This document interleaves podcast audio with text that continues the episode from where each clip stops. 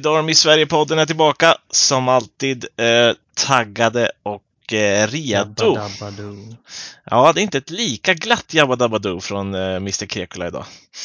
Ett eh, lite mer eh, sorgset kanske. Jag, jag satt här innan idag, eh, konstigt nog, och läste om sorgens fem faser. Man börjar med förnekelse, ilska, förhandling, depression och sen avslutar man med acceptans. Vart, vart, vart befinner du dig efter, efter helgen?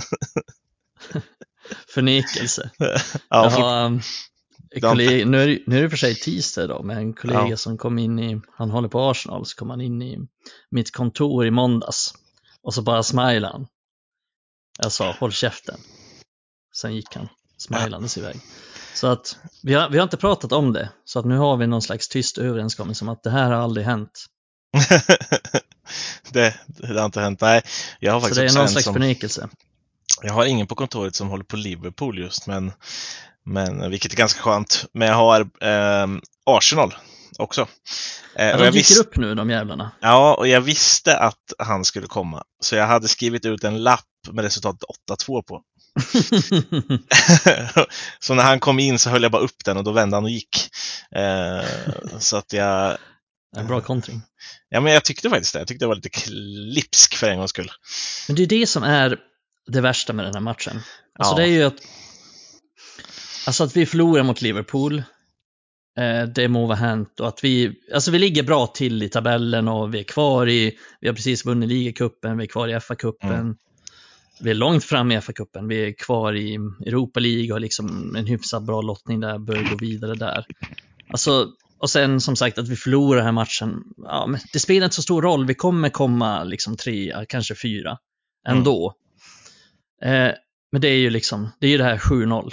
Och det kommer ju eka i decennier liksom, de kommer ju aldrig släppa det. Och det gör de rätt i liksom, att hade vi vunnit mot Liverpool med 7-0, vi hade ju aldrig slutat snacka om det. Nej, gud nej. Att, ja, det är det som är det värsta med det här, tycker jag. Nej, men man släpper ju aldrig 8-2 mot Arsenal. Alltså Nej. det går ju inte. Det är, det är 8-2 och det här är 7-0. Det är ju, ja, Ja. Vår största förlust sedan 1931 också. Det är eh, ja, men alltså den svider ju mer liksom än, vad är det 6-1 vi har som värst mot City eller? Ja, precis. Så det är Eh. 6-1, alltså det, det är ju den gränsen där, när det blir just 7. Det är då det blir total Ja. förnedring. Liksom. 6-1, ja men det kan man köpa, det må vara hänt. Ja, Vi har väl vunnit mot Arsenal med 6-1 också, tror jag, någon gång. Ja, men Början av 2000-talet, här för just det mig. här när man inte gör något mål heller, att det är en Mm. nolla där bakom. Det är lite Exakt. det här. Eh, nu är vi ju inte värst i Premier League i alla fall. Vi har ju till och med vunnit större de senaste åren här med Southampton. Ribban är låg nu. Ja, Vi är precis. inte värst i Premier League. det var inget sånt rekord som slogs i alla fall, men det är det, Ja, vi kan väl ta oss in på på den här jävla Liverpool-matchen eh, och avhandla den.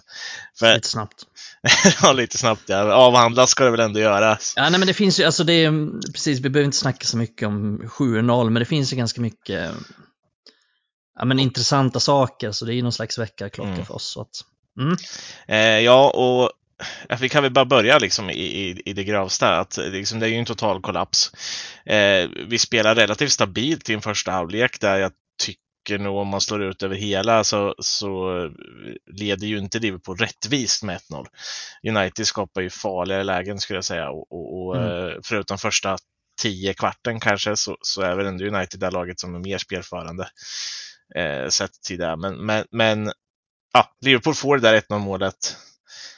Sen händer det ju någonting i början av andra halvlek som är eh, Ja, alltså har du ord för det liksom? Det, det är liksom totala, det är ju där kollapsen kommer. Ja, alltså vi har ju sett det lite förr, förra säsongen där att, och lite i början av säsongen att eh, när det verkligen regnar så öser det ner, som man brukar säga. Så att det är väl någonting att vi kommer in i det stadiet, i det mentala stadiet där vi bara fallerar ihop som lag. Eh, sen ska det ju ändå sägas, jag vill inte ha det som något försvar, men ska det ändå sägas att de har, de har ju sinnessjuk utdelning och de har sinnessjuk tur med alla studsar och de har, alltså deras XG i den här matchen är ju 2, någonting och de gör liksom sju Mm. mål. Jag tror att de har sju skott på mål eller åtta skott på mål. Åtta skott på mål har de ju. Åtta skott på mål är ju sju. Alltså det är helt osannolik liksom utdelning som de har och det tycker jag ändå att vi ska komma ihåg. Men det är ändå så en sinnessjuk oacceptabel kollaps och det är ju jag känner ju att när det väl går upp mot så här 4-0 och 5-0 framförallt, mm. ja, men matchen är körd, det finns liksom ingenting att göra. Håll siffrorna nere, försvara, ge allt sista liksom. Det är inte mm. så jävla länge kvar. Det är inte så att de gör 5-0 i minut 30 och det är en timme kvar av matchen, utan Nej. Det är inte så jävla länge kvar av matchen. Bit i det sura äpplet, försvara en 5 håll 5-0, slipp en jävla förnedring. Ja. Men nej, det är, ja, det är en oförklarlig kollaps och det är ju, vi satt ju här i förra avsnittet och sa, känns det som att det inte har åldrats så väl, men jag står ändå vid det att vi kommer vara stabila med, med det här manskapet som vi har. Jag tror att vi kommer komma tillbaks från det ganska bra, ganska starkt. Jag är inte så orolig för det, men det är, ja, det är svårt att förklara den här kollapsen, liksom att det blir 7-0 i baken.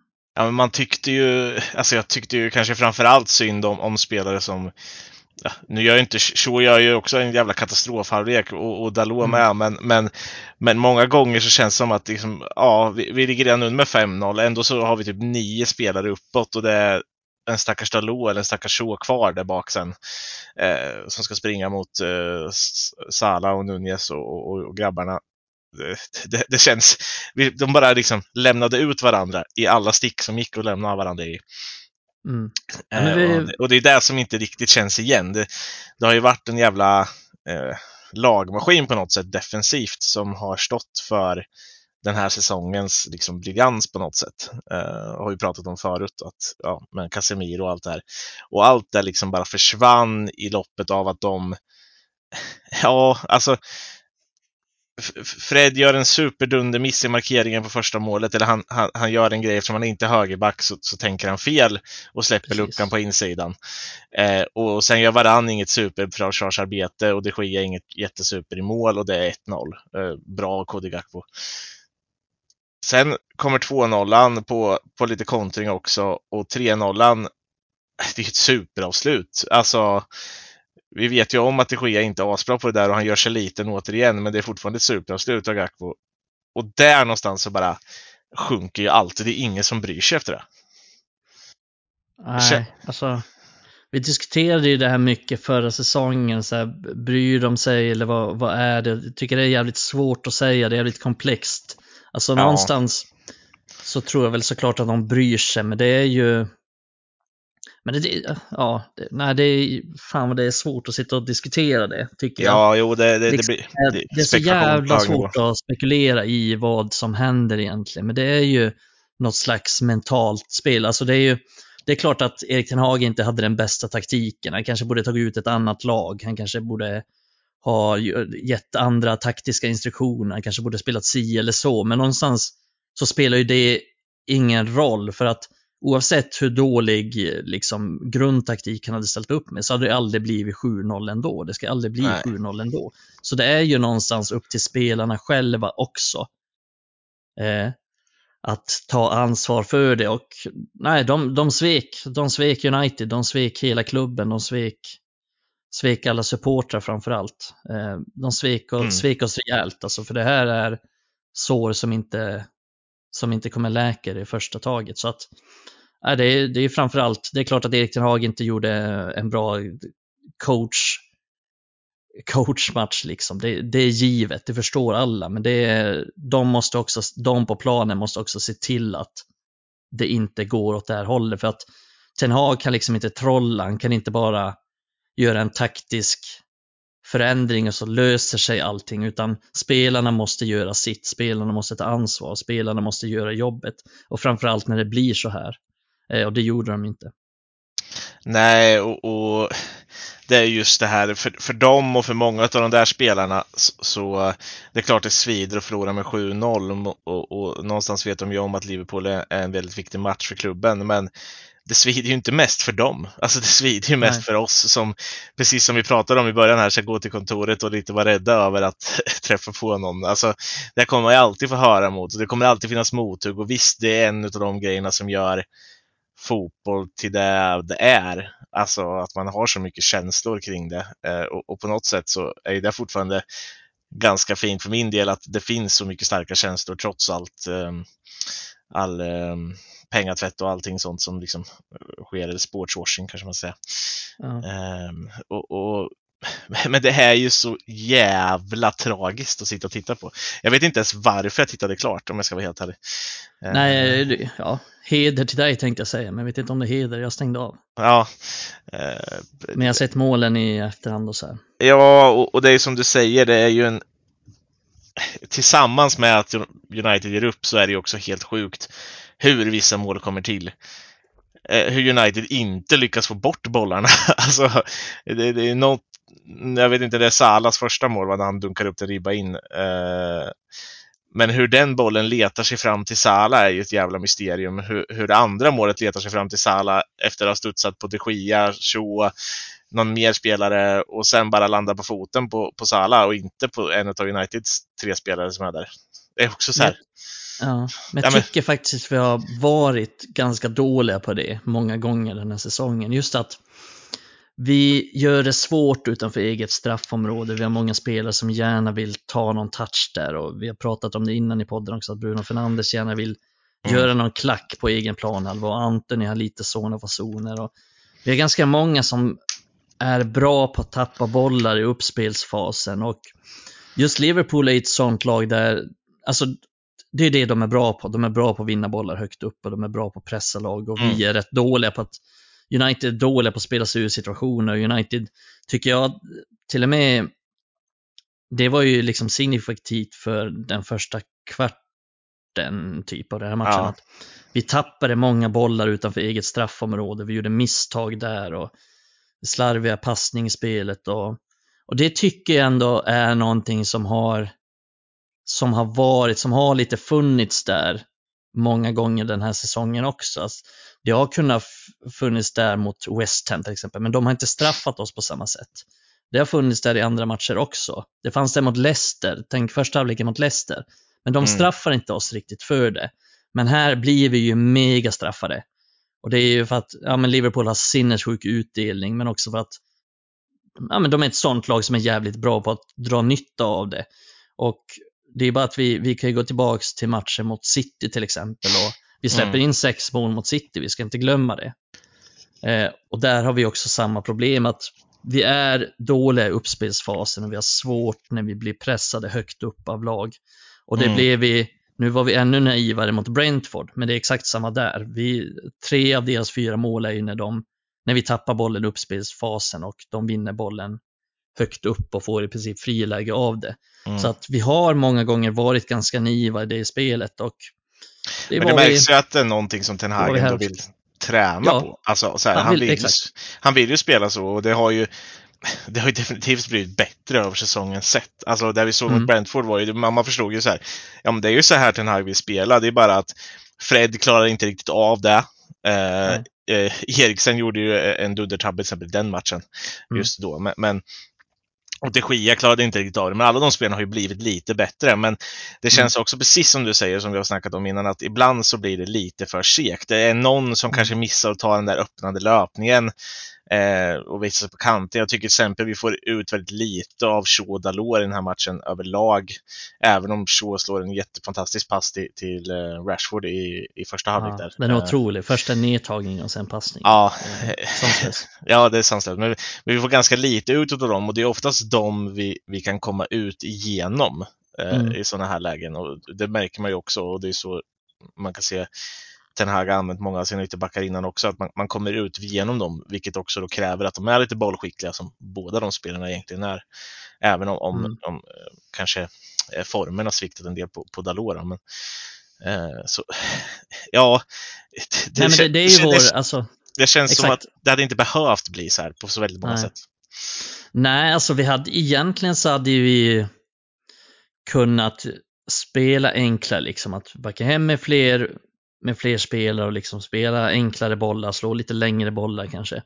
Men det vill han ju inte spela så, för han, han vill ju liksom ha den här utvecklingen på laget. Och det, och det ser vi i den här typen av matcher, att det är en process i sig att Ja, det är precis som du säger, vi har blivit bättre på det spelet. Det tycker jag också. Till och med de Gea tycker jag har blivit lite, lite, lite bättre på det spelet. Men yep. vi är ju ändå inte tillräckligt bra i det och de Gea är ju inte bra på det. Han kommer aldrig bli bra på det. Han har blivit lite bättre på det, men han kommer aldrig bli bra nog för att kunna spela det spelet. Han är liksom ingen Allison i Liverpool. Och det kan vi bara se på första målet där till exempel. Han står ju som en libero i princip och så pinpointar han ut liksom Robertson. Det är ju en kreativ passning Mm. från en målvakt, alltså en väldigt medveten kreativ passning. Eh, De Gea slår ju mest upp den på måfå och ofta så förlorar vi bollen till och med. Och det blir ju tydligt i den här typen av matcher mot typ Liverpool att eh, vi förlorar mycket dueller i den och varje gång De Gea får bollen och så slår han en lång så förlorar vi den. Mm. Eh, så han har ju nästan aldrig någon lösning i sina passningar eller så. Han har nästan aldrig någon, vi kan nästan aldrig bibehålla bollen när han väl får den. Sen tycker jag att De Gea är liksom, eh, ja, generellt så vill jag liksom inte peka finger åt någon. Det är inte de Geas fel att vi förlorar den här. Det är inte Casemiros fel att vi förlorar den. Det är inte mm, Rashfords fel. Det är inte Bruno Det är Fernandes allas fel. fel. Alltså, egentligen, alltså, Ja, så- exakt. Det är inte någon enstakas fel. Det här är en laginsats. Det här är en lagkollaps. Men de Gea är ju pissusel i den här matchen. Han räddar inte ett skott och han, eh, alltså det är flera av de här målen, han är grymt jävla tveksam. Alltså vad gör han? Mm. Han, han står ju fastklistrad på linjen och är usel med fötterna och, och det blir så tydligt i den här matchen och Allison är ju målvakt så här. Jag vet att populära diskussionen är att ja, men de Gea, han är bra på att rädda bollar och han gör inga liksom, misstag. Nej, han, det, han är ju bra på det. Han är bra på att rädda bollar, han gör inte så många misstag. Allison gör kanske fler misstag och det syns tydligt. Ta bara det mot Real Madrid och han höll på att Mm. göra en mot United också. Men han, är, han räddar ju upp så många lägen genom att vara proaktiv och kreativ i sitt spel. Så att, plus att han är svinigt bra på att rädda frilägen, liksom. Ja. vilket de Gea inte är, som vi ser på det här Men där kan vi ta de kanske de två bästa målvakterna i Premier League. Ederson och Alisson är ju väldigt Ja, exakt. Ja, just på de det. ger, Och det är ju där de måste, det har ju du sagt förut, det vet jag, att de måste ju vara bra på precis det i ett storlag där det Ja. kanske är kanske de flesta lägena de får mot sig. Det och hyfsade i luftrummet, för det kommer komma en del inlägg. Ja. Eh, och, och tyvärr så är ju de Gia ganska dålig på exakt båda de två grejerna. Ja. Han är dålig i luftrummet och han är rätt dålig på frilägen. Även om Nej, han exakt. kanske räddade några mot West Ham i den veckan som vi har varit i också, så, här, så gör han ju faktiskt två bra räddningar på Antonio, men det, jag tycker nog mer att det är två felbeslut av Antonio och två ganska dåliga avslut än vad det är jättebra räddningar. Även om han såklart räddar.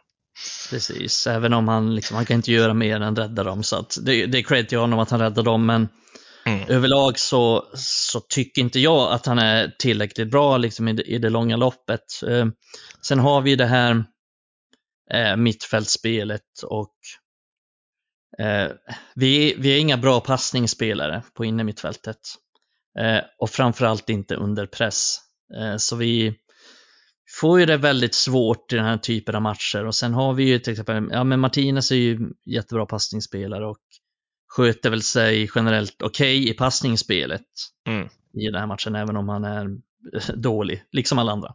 Inte av. Men sen är ju Varann ganska dålig i passningsspelet och, eh, och vi har flera andra som, som också är det just i den här uppspelsfasen och just när vi möter Liverpool som är bra på att Ja, men de är bra på att styra pressen mot en enskild spelare, men de är också bra på att pressa fast oss. Det så, vi, vi har sett det i flera, flera, flera matcher. Vi såg det senast mot Leeds till exempel. Vi hade enorma problem i den matchen. I de båda matcherna egentligen, för att de pressar oss högt. Så att jag tog ju upp eh, vår mittfältsproblematik eh, lite efteråt, eller diskuterade lite så här på Twitter. Och, eh, och ja, alltså det är, det är ju någonting som vi får leva med den här säsongen, men jag tycker ju verkligen att vi behöver värva en hel del och att det fortfarande, trots Casemiros intåg, är en jävligt stark prioposition. Men det kommer vi väl återkomma till senare, men jag tycker att om vi ska peka på någonting så är det ju att vi vi är så enormt dåliga spelmässigt i den här typen av stormatcher. Jag tycker det märks typ när vi möter Arsenal, vi möter Liverpool, att vi, när vi möter City, att vi fortfarande, men ta Barcelona också, även om vi gör bra matcher mot Barcelona så äger ju de matcherna sett till spelet egentligen, till bollinnehav och så. Men att vi fortfarande, att det fattas saker där, så det är ju, Mm. men som sagt, det, det är en process med hela det här laget. Vi behöver bättre spelare för att kunna spela det spelet. Eh, men jag tycker väl att om vi tar liksom Erik Tenhags, om vi gör en bedömning av honom så är väl att han kanske är lite naiv och har varit lite naiv i den här typen av matcher och trott att det här laget kanske är bättre än vad de är och då kanske spelarna också har varit lite naiva i det att ja, men vi, vi har inte riktigt spelarna, vi har inte riktigt alltså vi har inte riktigt kunskapen för att kunna spela oss ur situationerna på Anfield. Tyvärr. Och, mm och, det, och då kommer vi till det här återigen att ska han försöka utveckla laget eller ska han bara liksom satsa på resultat, backa hem, slå långa bollar liksom. Och där tycker jag att generellt att Ten Hag har haft en ganska bra balans, att han har Ja, men han har lyckats få laget att spela lite bättre, men han har också utnyttjat de här styrkorna som vi har i till exempel omställningsspelet. Men, men här är det ju uppenbart att, att ja, men han, han lyckades inte med det och Klopp vann den taktiska matchen helt klart. Ja, eh, det går ju inte att säga så mycket om, men, men, men om vi går över lite då på Ten Hag till exempel. Vi har ju den eh, statistiken bara att vi, vi, vi, faktiskt, om man tittar på de lagen som ligger topp 11 just nu, så har vi bara vunnit borta. Vi har, vi har mött sju stycken av dem eh, borta på bortaplan och vunnit en. Eh, spelat oavgjort en. Vi har spelat oavgjort borta mot Chelsea. Fått stryk borta mot Brentford City, Villa, Arsenal, Liverpool. Och vunnit mot mm. Fulham. Mm. Och, ja, det är ju en tendens som vi kanske inte haft innan. Jag är dock mer glad att vi spelar bra hemma än, än borta rent krasst. För jag vill att Old Trafford ska vara den borgen. Mm. Uh, och, och det, det är ju också något att ta med sig. Men i den här matchen till exempel då. Man märker att Fred kanske inte är det perfekta valet. Efter första halvlek, han vill göra någon ändring. Väljer dock sen i andra att stoppa in McTominay istället för Sabitzer.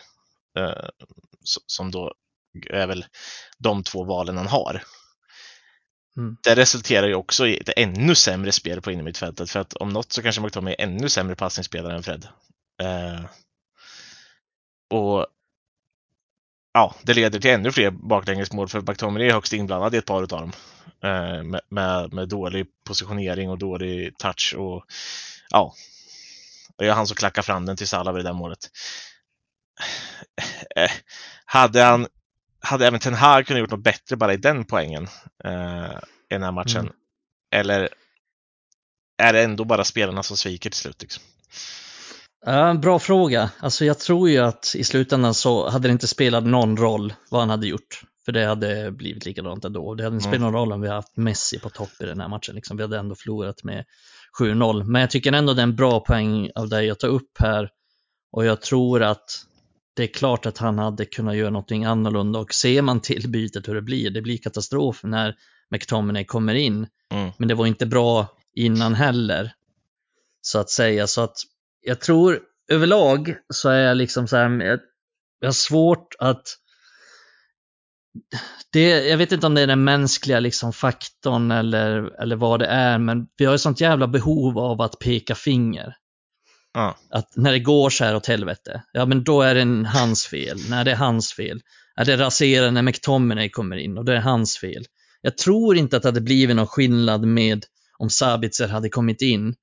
Men eh, nu blir det som det blir och det, det finns ju en poäng också i att, att kunna liksom kolla på McTominay. Ja, men han slår, vad slår han, tre passningar på en halvtimme eller vad fan det är. Ja. Det, är det klart att han gör en katastrofinsats. Jag tror han slår eh, fyra passningar och missar en. Eh, ja. Så här, så det... Alltså det, det är inget att sticka under stolen med. Nej. Men eh, så ja, ja, absolut. Jag hade bytt in Sabitzer hellre. Men med tanke på det du pratade om innan också, så här, för tittar man på de spelarna vi har, den kanske bästa passningsspelaren av dem, eh, förutom Eriksen som är ju inte är tillgänglig på ett tag, är ju Sabitzer. Eh, mm. ganska mm. tydligt. Eh, hade man då kunnat, jag känner bara så här, hade man kanske nyttjat att starta med honom istället. Nu har ändå han vilat ganska mycket, han har fått komma in och känna på det. Det känns lite så här som att eh, just det här att man, det man saknar lite, det vi kanske sökte i Frenkie de Jong. Eh, Sabitzer är ju lite av en mix av typ Fred och Eriksen. Lite mm. åt det hållet. Alltså så. Uh, mm. och, och, och, Det är därför jag gillar honom, därför jag tyckte att det var en väldigt bra uh, deal att få in för att det är en typ av spelare som passar bredvid en sån som Casemiro också. Och kanske framförallt i en sån här match som blir lite ryckig, han har bra lungor uh, mm. och ändå är en sån här spelare som kan vända upp med någon i ryggen och ta fram bollen ett par kliv och slå en passning.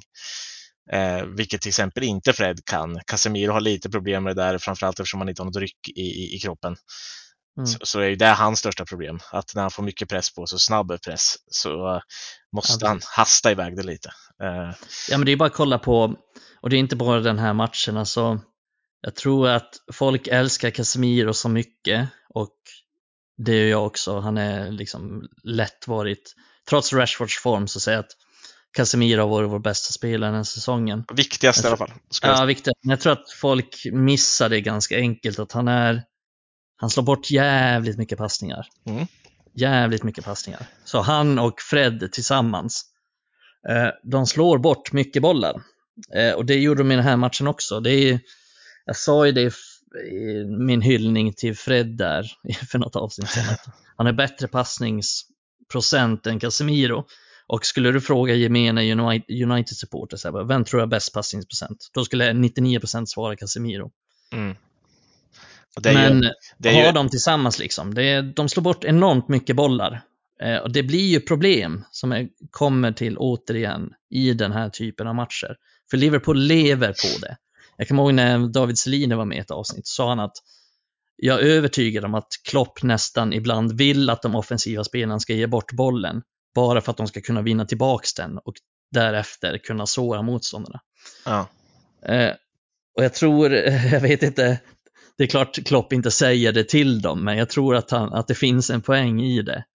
Eh, och det är det som gör vårt mittfält så sårbart. Och sen, alltså det, vårt mittfält har levt mycket på Casemiro, på att Casemiro täcker upp där och på att Casemiro täcker upp hålen efter den eller den, på att Fred täcker upp när tycker faktiskt Ljungberg gjorde en ganska bra genomgång innan matchen i Viasat-studion där när han visade på hur Fred täcker upp för Rashford till exempel, för Rashford inte jobbar så mycket hem. Mm.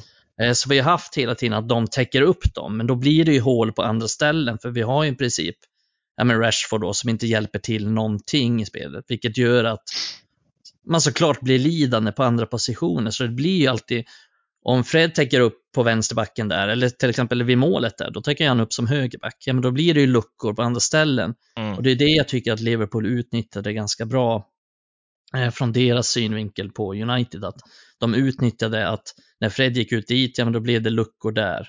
Och när Casemiro gick dit, då blev det en lucka där. Och när eh, Dalot kliver upp liksom på Robertson, ja men då vågar inte varann riktigt följa med för han är orolig för att Nunes går i djupled liksom. Så att det blir ju en kedjeeffekt hela tiden av, av olika saker där och där tycker jag väl att United kan vara mer organiserade. Eh, och det är väl någonting jag hoppas att Ten Hag kan styra upp i framtiden. Ja, men det är väl en tak taktisk balansgång också. Jag tror inte Ten mm. Hag mm. vill att Rashford ska jobba hem hela tiden heller, för han vill att Rashford ska vara tillräckligt pigg för att ta de där superlöpningarna uppåt ja, när de väl chanserna kommer. Det där har vi pratat om innan till exempel. Alltså, jag kan ta vilken stor stjärna som helst, men Mbappé jobbar inte hem på det sättet heller. Neymar gör inte heller det och det finns många gånger anledningar till det, för man vill att de ska vara pigga när bollen när laget har bollen istället eh, offensivt. Eh, och, och, just för United så den spelaren man absolut vill ha pigg i de lägena är ju Marcus Rashford, för han är absolut vår farligaste spelare just nu. Eh, mm. Vilket det kanske inte gör lika mycket om Antoni sliter ut sig på samma sätt. Eh, förstår vad jag menar? Det, det, det mm. Jag tror det är så Ten Hag ser det också och att han ofta har, har använt Rashford som att han går in och, och löper mycket centralt vilket gör att Vegors droppar, Bruno går ut. Mm. Eh, eller, eller, liknande saker. Så det, det, det blir mycket sådär och, och, och, då måste man ju kunna men då måste man också lita på det där och det är väl där kanske spelarna inte gör då, att man, man tappar lite tillit till sin egna taktik en stund. Och det är ja, då det går det... så. Det räcker med att en går utanför mönstret så, så hamnar man ju fel. Och möter man då Liverpool, ja då kan det ju gå fel också, vilket gör vid 1-0 till exempel. Ja, det, det, är en bra poäng, för det är det Ten Hag är inne på, efteråt i alla fall. Ja. Han säger ju det att de följer inte, de följde inte instruktionen, de följde inte våra principer. Och det har han sagt ofta efter mm. matcher. Uh, och det har han även kunnat säga efter vinster. Han sa ju det bland annat Eh, efter den här vinsten mot Leicester att ja, vi följde mm. inte de här principerna vi hade sagt i första halvlek och vi gjorde inte som vi hade sagt. Spelarna följde inte instruktionerna. Mm. Och det får mig att tänka på att de går in i de här gamla mönsterna som har funnits i så många år. Mm. Och det är klart att eh, det är säkert sant det han säger. Jag tycker att Erik Ten brukar vara väldigt ärlig och öppen och transparent i, i sitt sätt att se och han gör väldigt logiska saker, han säger väldigt logiska saker. Så jag, jag tror ändå på det han säger Mm. i det. Och, och det kan ju vara någonting i det att men vi har i så många år spelat på ett visst sätt och spelat den här omställningsfotbollen och spelat mycket på liksom ett individuellt sätt om man säger så. Att spelarna har fått väldigt mycket frihet och nu är det mer uppstyrt, mer strukturerat och då kanske de i just sådana här fall, liksom när det blir sådana här krissituationer, när vi åker på 4-0 i baken, vi åker på 5-0 i baken, ja men då tappar de, då tappar de det här, vad är det vi ska göra? Då kommer den här desperationen att vi liksom bara jagar, jagar, jagar, alla spelar ensamma, alla gör sin sak, alla, man går tillbaks till, till det som var Bollen, liksom, typ på något Mm. sätt. Exakt, och det, det tycker jag man har kunnat se på flera lag. Så jag såg Liverpools match mot Real Madrid och Ja. de tappade ju verkligen just det här konceptet. Liksom. De tappade ju verkligen den här taktiska drillen som de haft innan och bara sprang runt som yra höns liksom, och släppte in mål efter mål. Ja, men det är ju Eh, dit, så ja. det är dit den där fotbollen har, liksom har kommit, att, eller dagens fotboll har kommit, är ju att det, krävs verkligen att hela, hela, hela laget fungerar som en, en enhet. Och att man inte går utanför ramarna på, på det sättet, i alla fall inte i, i, i defensiven, eller man säger, i, i lagets egna eh, eh, rutade mönster just där. Och att man istället då är lite mer flyktiga kanske framåt. Eh, det, det är ju lite dit det kommer. Och sen är det lite olika. Tittar man på, på typ Ten Hag och Guardiola till, eh, och Klopp så, så är det ju kanske ett mer proaktivt försvarsspel än, än till exempel om man jämför med Sean Dyche. Alltså så. Mm. Och, och det är dit man kommer. Oavsett vilket av de här taktikerna du lägger in så måste alla göra utefter vad Eh, liksom man, har, man har förutsatt att man ska göra. Är det sen då att det inte funkar ändå? Ja, det, det kan ju alltid hända att det är någon som menar att ja, men här ska vi inte kunna förlora den här duellen, men vi förlorar den duellen ändå. Ja, det kan alltid hända. Men och det, spelar man då ett sånt här spel som till exempel Ten Hag gör eller Klopp gör eller eh, Guardiola gör, då är det ännu viktigare för att ofta så blir det så mycket öppnare bakåt än om man missar en grej i, i ett Shandai-spel Där de flest, då har man ändå kanske åtta spelare på rätt sida, vilket fall som helst. Ja, exakt. Eh, Så att ja, det, det, det är ju alltid så man måste lägga in lite. eh, Jag, jag tror på något sätt att jag hoppas att det här är någonting eh, som de lär sig av. Att det är dit man kommer och jag, jag litar tillräckligt mycket på Ten Hag för att tro att det ska bli så också. Ja, jag är helt säker på att vi vinner mot, vi kommer väl komma in på det på de här match, Ja. matcherna nu. Jag är helt säker på att vi vinner eh, mot, vi vinner båda matcherna på torsdag och söndag. Ja, eh, jag känner mig rätt trygg i det också faktiskt. Men vi ska avhandla en sak till i alla fall innan eh, eh, vi drar av här. Först kort om Bruno Fernandes. Jag vet att de tog upp det via prisstudion också, men jag reagerade också på det i intervjun där efter matchen. Så han är väldigt diplomatisk, han säger mycket rätt saker, men, men han ber faktiskt aldrig om ursäkt till fansen är någon som ska ändå spegla typ Uniteds kapten? Är det något du tar hårt på eller? Jag känner mig bara lite så här, varför inte liksom? Ja, det är, även om det är någonting han bara ska säga, så varför säger han det inte? Ja du, bra fråga. Ja, Eh, kan ju vara någon språkbrist också. Jag vet, Ja. ta, ta honom till försvar här nu. var väl det är liksom inte hans modersmål, det är svårt att uttrycka kanske vad han känner och tycker. Och... Nej men det är väl klart att han, han ville väl inte stå där heller för den delen. nej och sen det är väl klart att han borde be om ursäkt men samtidigt så hade vi ju den typen av intervjuer hela tiden förra säsongen. Vi blir ganska trötta på det också. Där bara, ah, be om ursäkt, be om ursäkt, we, we come again, we come again. Liksom, det är bara, jag tycker mycket av de där bara är tomma ord ändå. Så att jag ser hellre att Bruno Fernandes och gänget visar det på torsdag och söndag, visar att det här var Det en engångsföreteelse. Absolut. Eh, så ja, jag har inte så mycket att säga om det egentligen. Det är...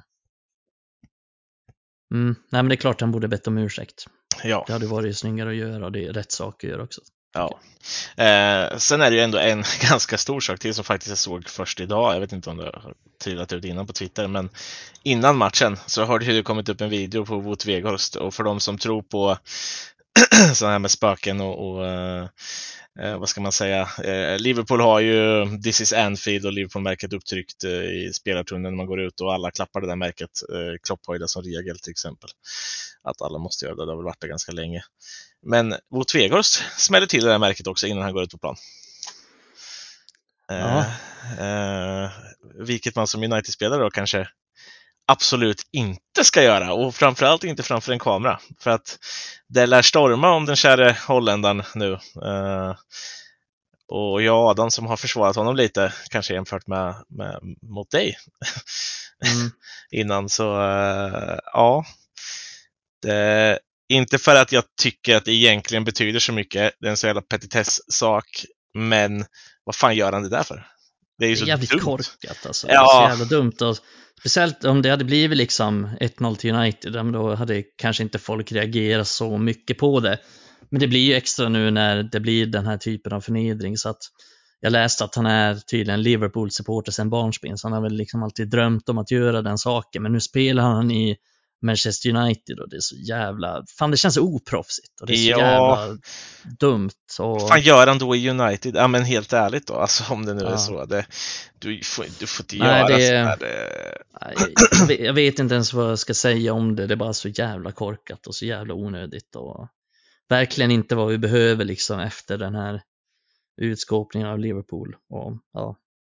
Hoppas att han inte startar nästa match faktiskt. Nej, eh, det, det, börjar väl bli dags att prova utan honom också. Eh, känns Mm. det som. Eh, Jo men, jo men så är det väl. Och det, ja.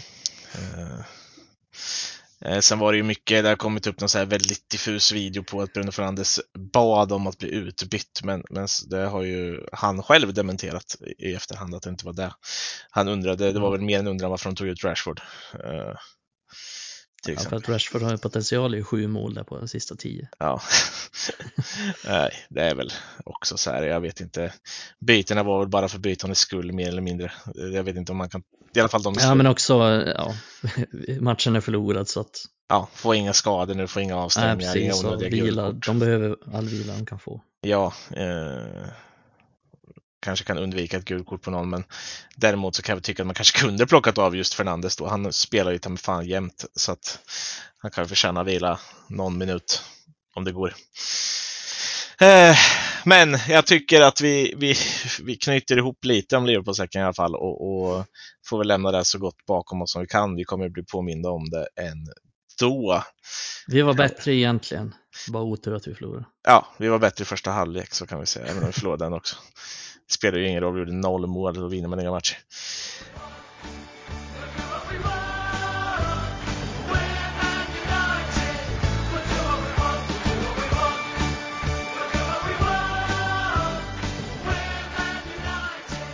Och då tar vi oss vidare mot eh, den här veckan då och låter lite gladare tycker jag. Vi tar lite, lite nya tag, vi lägger eh, glada tongångar i munnen och eh, ser fram emot en dubbel Old Trafford-vecka Eh, där vi möter eh, Betis på torsdag eh, och Southampton på söndag.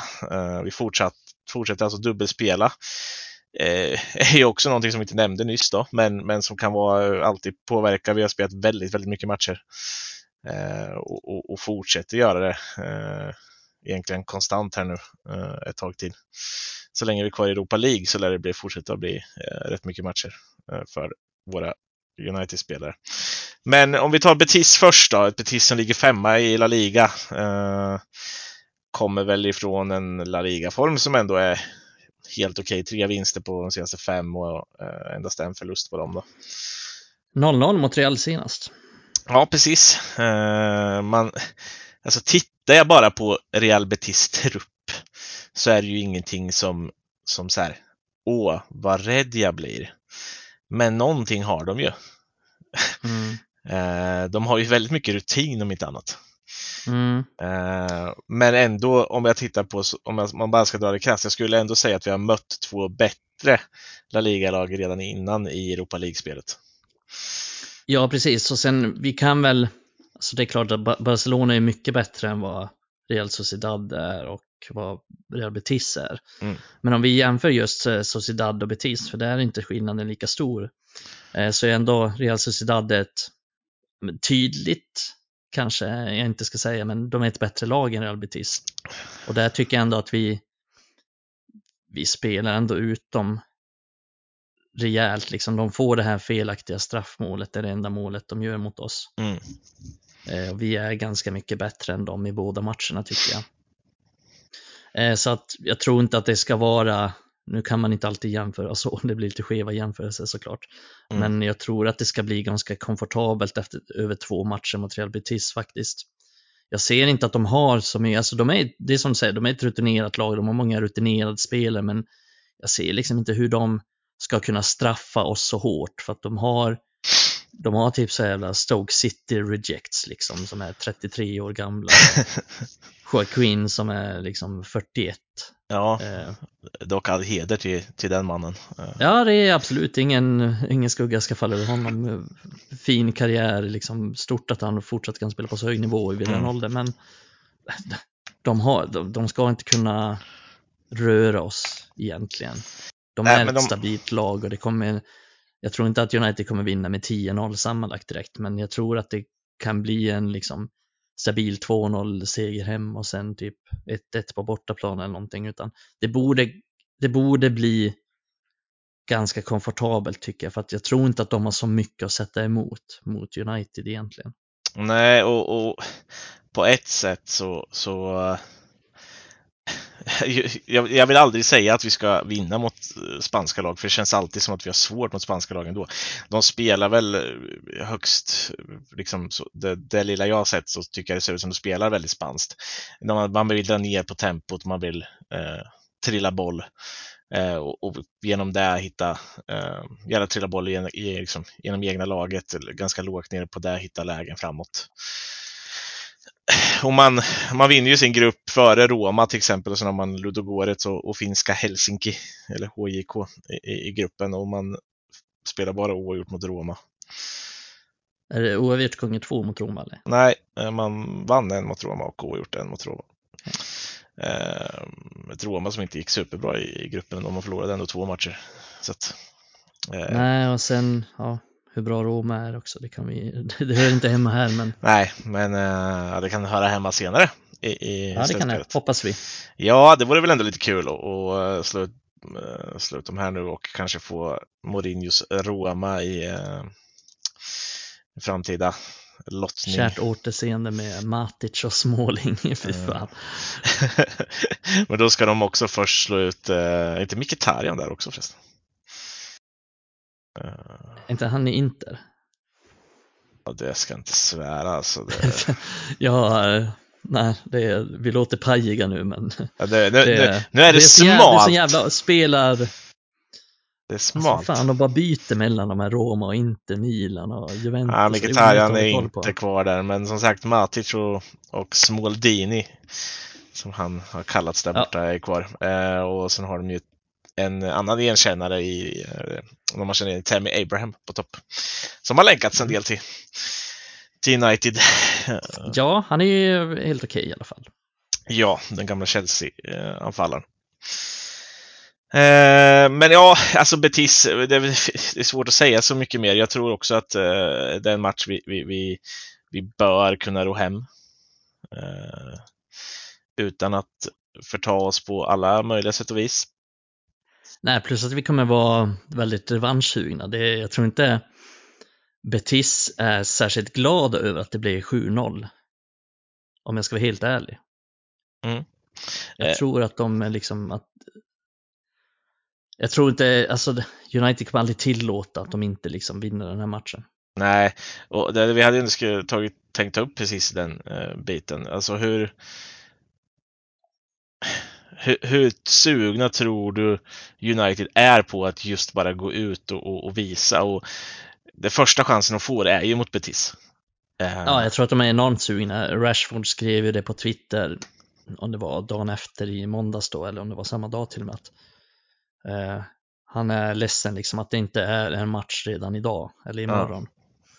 Eh, för att han är så jävla sugen på att komma ut. Och jag, jag tror på det. Jag tror på det han säger. Jag tror att liksom, om jag tänker på Casemiro och tänker på Bruno Fernandes, Rashford och så vidare, och så vidare så jag tror att de är enormt sugna på att bara komma ut och visa att ja, men vi, vi är bättre än det vi visade mot Liverpool, vi är bättre än så här och vi kommer inte tillåta att någonting sånt händer igen. Så jag tror verkligen att de kommer komma ut jävligt taggade. Sen ska det ju bli, bli intressant att se hur mycket den här Liverpool-matchen har satt sig. Mm. Och jag kände ju det redan mot Liverpool att laget har spelat jävligt mycket matcher. Eh, och börjar se väldigt slitna ut, börjar se väldigt trötta ut och det kan ju också vara en aspekt till att det gick åt helvete mot Liverpool att vi som lag är snudd på slutkörda eftersom ja, roterat ganska lite och det har man reagerat på i lättare matcher, liksom, framförallt i den här andra semifinalen mot Nottingham Forest, att spela ett så pass starkt lag när man vinner så pass klart på bortaplan. Det är mm. jättekonstigt i ett sånt tajt spelschema. Sen fattar jag att han spelar liksom bästa lag mot Liverpool och spelar bästa lag mot Newcastle och mot Barca. Liksom. Det, det är inte så mycket att snacka om. Nej, han måste ju. Alltså... Han måste ju det, men det är de här matcherna när vi haft råd att rotera som man inte har gjort det som jag tror kan ha satt sig lite i spelarna också. Att de är trötta och de är liksom trötta mentalt och de är trötta fysiskt. Men jag tror att den här matchen liksom kommer de gå ut med sån adrenalin, med sånt sug och framförallt att den är på hemmaplan också. Mm. Det är väl mm. det som jag tror gynnar oss mest att nu är det match torsdag, söndag och båda de är på hemmaplan så jag tror att vi, vi kommer vinna båda de matcherna och det kommer göra mycket att vi slipper den här resan och slipper restiden och slipper liksom allt resande. Och, men tror du han väljer att rotera i någon av dem? För om vi tar med Southampton i, i, i det här också då liksom. Det, det är ju ett Southampton som slåss i botten av tabellen. De har väl egentligen en spelare som älskar att möta oss för han tycks sätta frisparkar i varenda jävla möte vi möter dem med. Och det är väl James Ward-Prowse. Eh, de har ju bytt tränare till höger och vänster känns det som och det eh, känns inte riktigt tryckt i den där föreningen. Deras eh, satsning på de här väldigt unga eh, okända spelarna inför året har väl inte gett eh, superutdelning för dem. Men tror du att man, Ten Hag vågar rotera i en sån match? Jag tror inte han gör det i Europa League, framförallt inte nu i första matchen när man ska spela hemma eh, direkt, utan jag tror han vill sätta, försöka sätta ett så bra resultat som möjligt liksom, i första matchen i Europa League eh, för att kanske kunna rotera i andra ifall det finns utrymme. Nej, alltså jag tror inte han kommer rotera särskilt mycket. Jag tror att han kommer rotera på någon sån position. Han känner att han kan rotera lite. Ja. Och det är ju typ att Van Bissaka spelar en av de matcherna och Dalot den andra kanske. Mm. Och sen kanske att han spelar liksom han har ju den möjligheten lite offensivt också, att han kanske får in Sancho där någonstans och kanske spelar Bruno Fernandes som högerytter. Men Garnacho lär ju snart någon match kan jag tänka. Vem? Garnacho kanske kan starta en Ja, match, precis. Eh, så att något sånt kommer han göra, men det kommer inte bli många ändringar tror jag inte. Nej. Utan han kommer absolut förlita sig på de spelen han ser som nyckelspelare och det är ju och det är ju liksom Casemiro, det är ju Varan, Martinez, mm. Rashford framförallt offensivt och Bruno Fernandes då som, mm. som kommer spela båda de matcherna så länge de är friska och krya, det är jag tämligen övertygad om. Ja, Sen kommer han eh, göra lite små förändringar där han känner att han kan göra det. Ja, men ja, det känns ju lite som det. Och jag tror till exempel in i mittfältet, jag tror vi kan se en, en Sabitzer från start kanske. En, Exakt, uh, istället för Fred kanske. Ja, ju... uh, och, och uh, ja, det är väl typ de man kan göra. Han måste ju typ spela Bruno och, och, och mm. Rashford där framme. Jag hoppas bara att han kanske släpper just Weghorst i en match. Alltså bara för att, bara för att liksom få bort det lite och kanske släppa lite på honom och hans press också, att han hela tiden har startat men inte lyckas utföra. Eh, jag tycker fortfarande att han har fått lite för hård kritik, men det är väl just det här att han, han ska vara en striker och inte gjort mål. Det är väl det som är problemet. Ja, exakt. Och just i ta matchen mot Liverpool till exempel, det vet jag inte om jag tycker att han passar så bra i den matchbilden heller Nej. som det blir. Eh, sen kan jag ju tycka att han ironiskt nog passar bättre mot Betis än mot Southampton. Ja. Men då kanske han eh, blir bänkad då, eller jag hoppas nästan att han blir bänkad. Inte, inte för att han inte pass, han passar bättre i de matcherna, men mest för att liksom, ja, men jag är lite, för, jag är lite så här småtjuv förbannad på den här This is Anfield-grejen som han gjorde, men också att Ja, och det här är matcher vi ska dominera, vet inte, Weghorst, kommer han ens vara kvar här nästa säsong? Fan, spelar Garnacho istället, skiter i vilket. ja. Han! Och sen, ja men lite det här också, Ten Hag kanske måste visa någonting utåt också att det inte var acceptabelt det som hände senast. Alltså så. Exakt. Inte spela exakt samma elva kanske. Ja, precis. Eh, några... In med McTominay som var så bra mot Liverpool. Ja, precis. Det var väl det som är jobbigt. Nej, men då, då finns det ju typ bara Sabitzer kvar att slänga in. Alltså, Casemiro har väl spelat sig till eh, chansen att få, få starta ändå, liksom, så här, för att han har varit så jävla Ja, bra han måste innan. spela. Eh, Martinez har varit så jävla bra så han måste spela. Varann har varit väldigt bra bredvid Martinez så han måste spela. Eh, jag tror vi har inte någon annan målvakt som kan spela förutom de Gea. Eh, Jack Butland kommer in. det hade ju varit rätt Någonstans. kul faktiskt. Eh, ändå att se Jack Butland kliva in mot Europa, Europa League mot eh. Räddade en frispark mot uh, World Prowse. Frispark på stopptid. Ja, Det är ju det är bättre att ge en straff till Sam Han missade ju straff senast. eh, ja, han är fan... Ganska dålig straff. Han slår ju bättre frisparkar än straffar. Så det, det, är, Ja, det, det är lite som mötte Stoke för typ tio år sedan. Kommer ihåg? Och det var typ, jag kommer inte ihåg vilket lag det var, men det var M- Myhill här för mig. Målvakten. Boris som Myhill, i West Bromwich tror jag han stod. ja, Eh, så mötte de Stoke, så får han liksom en hemåtpassning och så blir han pressad. Och så upptäcker han liksom, fan det är ju Stoke vi möter. Han är på väg att slå ut den till inkast men så slår han ut i hörna. Att han vet att det är en sämre målchans för dem. Det är så jävla kul det klippet. Eh, lite så får man göra mot Sa-15 också. Man ser att det liksom, han är på väg att på väg att liksom, ja, vi måste fälla, fälla den här jäveln utanför straffområdet. Nej, fan det är SA-15, vi väntar tills han är inne på straffområdet, sen kommer kapningen.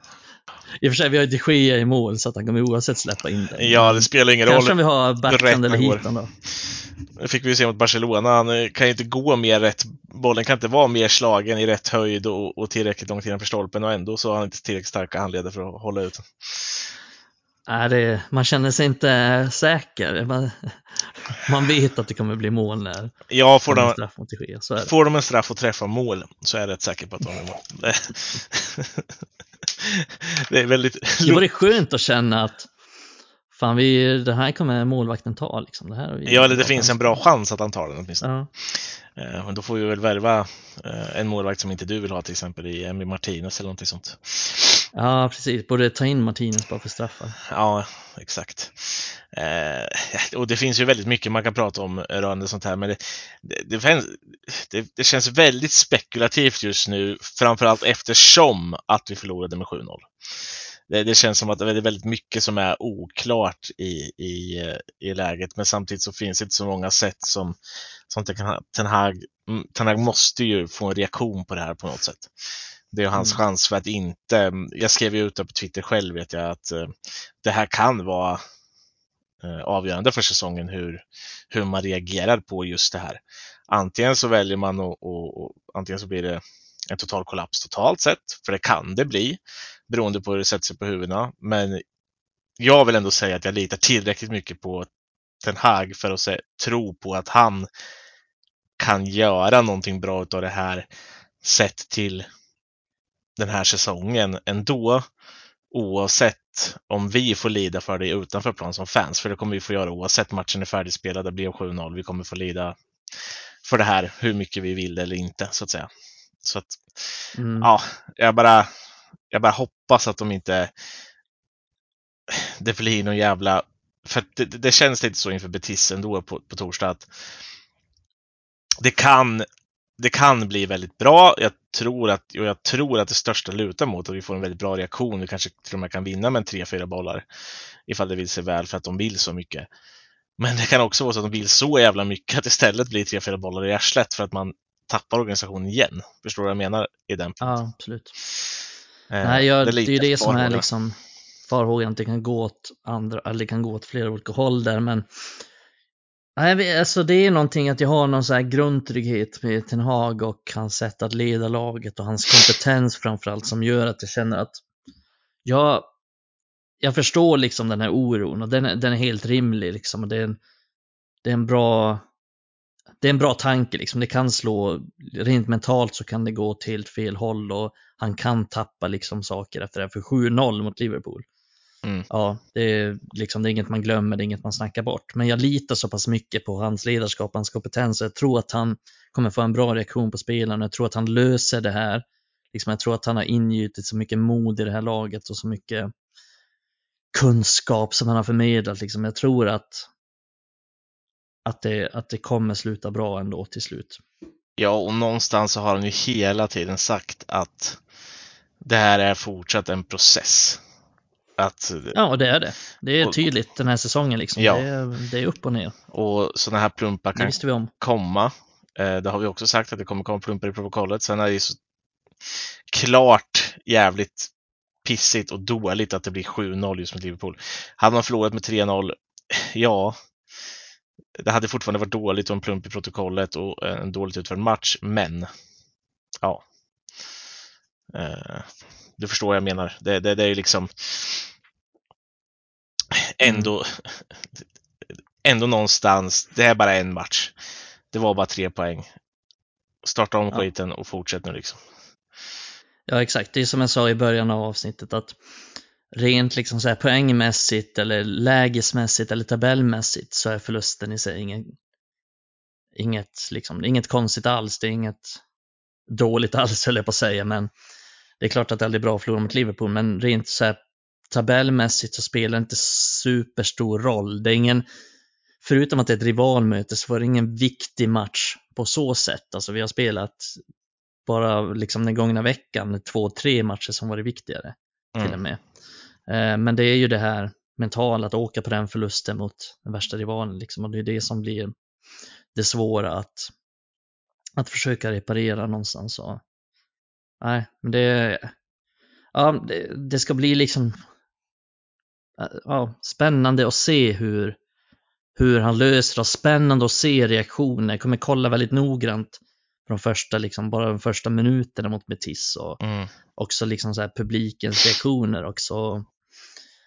Ja, jag ska ju snart också till, till Manchester och se United på Old Trafford eh, mot Everton och mot Brentford hade jag tänkt. vad Eh, härligt. Så det ska bli intressant att se också just hur eh, tongångarna kommer gå där och hur snacket liksom kommer gå bland de lokala kring den här, den här förlusten och så. Mm. Om den fortfarande kommer sitta kvar, om det kommer snackas om. Eller man gör något, eller det kanske har blivit så att United har vunnit fem raka matcher till dess och allt är frid och fröjd igen.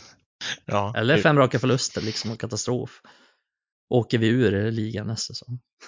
Precis. Eh, Och ja, vi ska väl ta och knyta ihop säcken för idag. Och kan väl avsluta där någonstans. Vi kan väl nämna att eh, missa inte alla nyheter så som släpps på Red Army Sverige. Det händer ju mycket runt Manchester United. Till exempel idag så anslöt ju en ny eh, ja, kan man säga, dataforskare till datavetenskapsavdelningen. Alex Klein från Southampton, va? Eller någonting sånt. Eh, men det kan du läsa mer om på Red Army Sveriges Facebook eh, till exempel. Och eh, oss på podden ska du heller inte missa att följa.